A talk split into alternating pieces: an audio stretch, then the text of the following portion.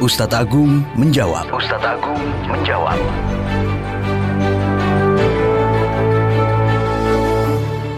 Mitra Muslim, kesehatan adalah anugerah yang luar biasa dari Allah. Namun, tidak bisa dipungkiri bahwa sakit pun juga adalah anugerah sekaligus rahmat.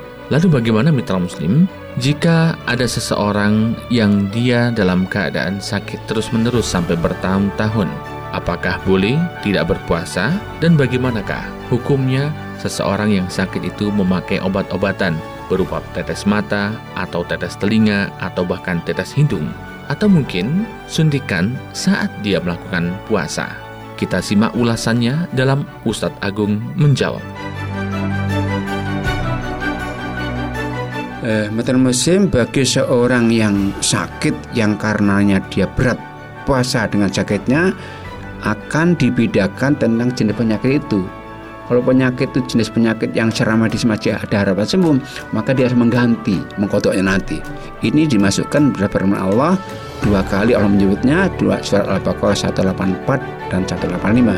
Famangka minkum maridun aw ala safarin fa min ayamin uhur. Tetapi kalau sakitnya jenis penyakit yang secara medis sulit sembuh, krois takut sekali maka dia hanya menjawab fidyah saja ketika nggak puasa fidyahnya sama setiap satu hari puasa ditinggalkannya dibayar fidyah satu fidyah dengan ukuran yaitu satu mut atau kurang lebih tujuh beras dengan kualitas beras yang biasa dikonsumsi untuk orang miskin. Yang membayar tentunya dia sendiri ketika dia mempunyai harta.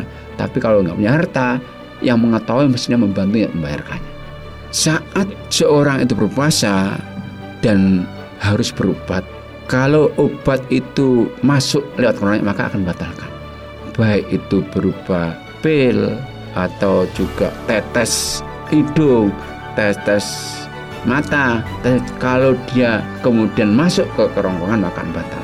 Maka ketika orang itu berobat dengan tetes mata tetes hidung harus berhati-hati. Sementara kalau obat itu dilewatkan infus suntik maka nggak batal